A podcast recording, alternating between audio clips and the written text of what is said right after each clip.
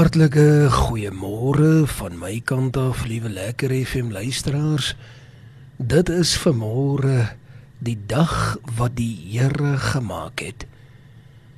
En kom ons wees bly daarin omdat die hand van die koning van alle konings seer sekerlik die stempel van goedkeuring op hierdie oggend geblaas het en dat die Here in beheer is. Ek dink dit is seer sekerlik een van die mooiste en eintlik grootste dinge wat 'n mens kan beleef is die hand van die Here wat op 'n saak is. En vermôre is sy hand op hierdie dag. En ek wil vermôre vir jou die versekering gee dat hy baie baie naby aan jou sal wees en dat jy nooit hoef te wonder of die Here aan jou kant is nie. Die woord van die Here verklaar alreeds dat hy aan jou kant is want hy het gesterwe aan 'n ou ruwe kruis om uiteindelik vir jou die geleentheid te gee om dan die ewige lewe te beerwe. Daar is nie 'n groter geskenk as dit op dese aarde nie. Sou jy vandag vanmôre die enigste mens op die aardbol gewees het, dan sou die Here net vir jou kom sterwe het. En miskien dalk net voel jy vanmôre dat jy nie so belangrik is nie. Jy voel dalk vanmôre soveel verwerping in jou hart daar's dalk soveel teleurstelling en soveel mislukkings dat jy amper dit nie eens meer kan tel nie. Dalk het jy gister of laas week 'n groot mislukking moes deurgaan en verwerk dat op hierdie dag voel jy heeltemal alleen. Ek is hier om vir jou vanmôre te sê jy is nie alleen nie. Die Here is naby. Hy is 'n God van naby. En hy is ook hier om vanmôre in jou gees te kom spreek. En ek glo met my hele hart en met my hele siel en alles wat binne in my is dat die Here 'n plan het wat hy vanmôre in jou lewe wil ontlont. En daar is so baie die laaste paar weke wat in my gemoed opgekom het met betrekking tot wanneer 'n mens dalk jy weet daardie streep trek of dat daardie streep getrek word in ons lewe. En elkeen wat vanmôre ingeskakel is op 98.3 het iemand al verloor het iemand al afgestaan wat die tydelike verwissel het met die ewige? En dink ons amper op 'n daaglikse basis aan diegene wat ons vooruit gegaan het. En soms dan oorweldig die hartseere mens. Soms is dit amper asof daardie saak so duidelik is waar jy waar jy die mens so duidelik kan sien, glashelder hoe hulle gesigte lyk. Jy roep op hoe die stemtoon was en hulle gunsteling gesegdes. En dan raak 'n mens weer so hartseer maar ook weer so bly want jy onthou die goeie tye. En so in die laaste halwe jaar het ek nogal baie mense deur hierdie proses gehelp en is dit vir my eintlik baie treffend en deel ek dit graag vanmôre tydens hierdie oordeenking. Hoe baie mense wanneer ek hulle vra wat is hulle gunsteling skrifgedeelte gewees as die familie daar by my sit in my kantoor en en hulle praat met my dan sal ek vra wat was die die geliefde se gunsteling skrifgedeelte dan is dit baie treffend dat meeste van hulle en ek wil amper so ver gaan as om te sê 99% van al die mense sal dan sê Psalm 23. Jy het dit reg geraai. Die Psalm van Dawid. Immer immer gewild. Seer sekerlik een van indien nie die gewildste skrifgedeelte in die totale Bybel nie. Maar dan is daar baie dinge wat my kwel rondom dit. Want as ek so kyk na mense se gedagtes en wat hulle met my deel dan sien ek dat ons baie keer so bietjie anderste na die saak behoort te kyk as wat ons dit doen. Mag vergun vir my om vanmôre dan nou die eerste vers van Psalm 23 te lees. En ek wil dit graag vir jou lees en ons gaan so 'n tydjie stil staan.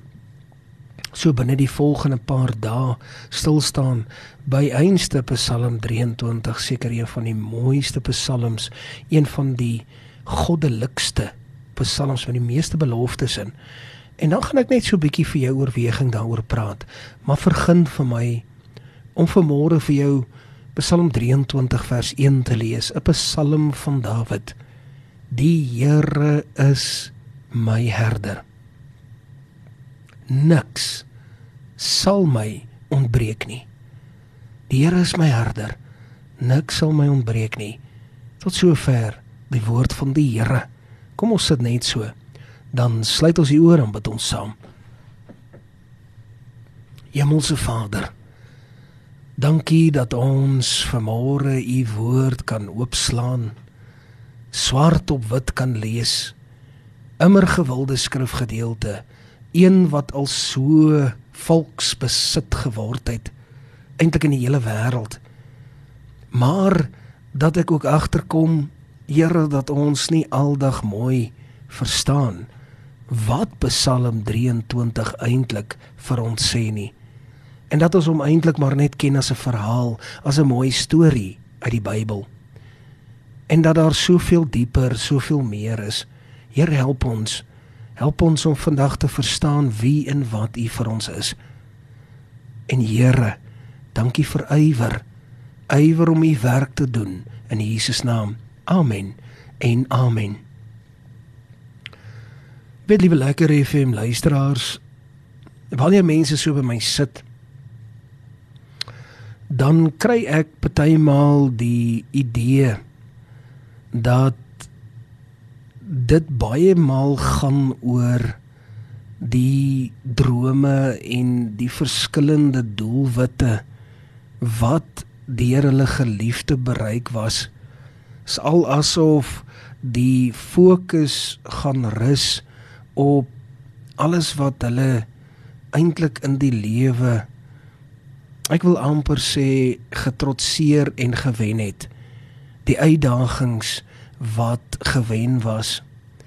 En dis vir my belangrik dat ons net so bietjie net so bietjie daaroor moet dink en net ons gedagtes so bietjie strek van wat eintlik die waarheid is teenoor dit wat eintlik nie die waarheid is nie Ek wil amper so ver gaan as om te titel en te sê dat hierdie woord is die waarheid teenoor die onwaarheid. En dit het gebeur vir my so baie. Ek het dit al so baie beleef dat mense uh, by my sit en en vir my sê, jy weet daar is soveel drome gewees wat hierdie persoon bereik het en en soveel suksesse. En dan besef ek net weer maar is dit waaroor die lewe gaan of is die eintlike die eintlike gedagte is die eintlike doel nie van ons lewe om die Here te verheerlik nie en ek vind baie maal dat die sake van die Here soms so maklik is dat ons dit nie kan glo dat dit so maklik kan wees nie. Samper asof dit te maklik is. Maar as ek nou vanmôre vir jou die ware ware waarheid kan gee, dan sê ek vanmôre vir jou dit is so maklik soos die ware doel is om die Here te verheerlik. Dit is die waarheid teenoor dit wat onwaar is. Dit wat onwaar is, is dat in die lewe is die doelwit om die drome te bereik om om al daardie suksesse te bereik om al daardie die blinkheid te kry die die status te kry die groot bankrekening en die groot beursie in die sak en die voertuie en die huise en alles wat wat lekker is en wat wat wat eintlik maar te maak het met die vlees en nie met die gees nie. En wat eintlik belangrik is is die gees wat die Here verheerlik. Ek dink dit is die grootste doel en dis maklik. Jou doel en my doel liewe lekker FM luisteraar, is om die Here te verheerlik met alles wat binne in ons is.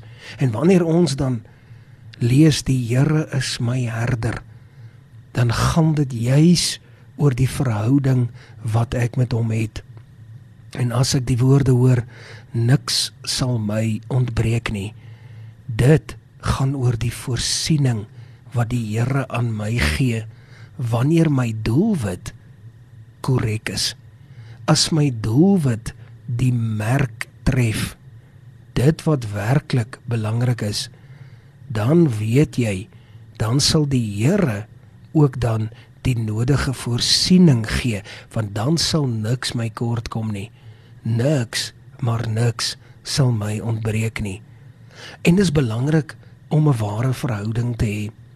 En wanneer ek so luister soms en hierdie skrif word deurgegee as die gunsteling dan is my hart baie maal op 'n plek waar ek werklik wonder of daar 'n werklike verhouding met die Here was. In 'n verhouding weet ek en jy vanmôre veg baie werk. Ek meen as ek 'n vriendskapsverhouding het, 'n beste vriend of selfs my man of my vrou, dit het baie werk gekos. Dit het baie tyd gekos. Dit het baie baie moeite gekos om daardie verhouding te ontwikkel. En dit was iets wat ek wou doen. Ek wou graag die verhouding ontwikkel. En dit het gekom deur gesprekke te voer. En wanneer 'n mens dit so hoor, dan besef mens dat 'n mens in gebed in gesprek daagliks teenoor die Here moet staan deur die loop van die dag. En wanneer 'n mens in daardie verhouding in daardie daaglikse verhouding, daardie kommunikasie met die koning van alle konings is, dan kan hy nie anders as om aan jou te voorsien nie. En dan maak dit heeltemal sin dat jou eintlike doel dan is dood eenvoudig en baie baie maklik om die Here te verheerlik. Hoe beter jy die Here leer ken, wil ek graag vanmôre vir jou sê, hoe beter wil jy hom leer ken? Hoe beter jy hom leer ken, hoe meer sal jy hom verheerlik naderhand met alles wat binne in jou is en dit is die heel belangrikste. En laat ek vir jou so sê, liewe lekker FM vriend, dit is die heel belangrikste, nie die drome en die suksesse wat behaal is nie. Dis goed, dit moet daar wees, natuurlik. Natuurlik moet dit daar wees en prys die Here as jy dit behaal en en dit is goed dat jy daarvoor strewe. Maar jou nommer 1 doel moet wees om die Here te verheerlik, om jouself te omgord met sy saak sodat sy naam geskrywe staan op jou deurposte. Wees lief vir die saak van die Here. Tot sover. Kom ons sit net so, dan sluit ons die oë, dan bid ons saam. Hemelse Vader, dankie dat ons in hierdie oggenduur u naam kon aanroep. Here, hierdie is vir my 'n ernstige saak en ek dank U dat U my help om dit oor te dra en dat ore wat vanmôre wou luister in die gees het gehoor. Seën hulle dan in Jesus kosbare naam. Amen. En amen.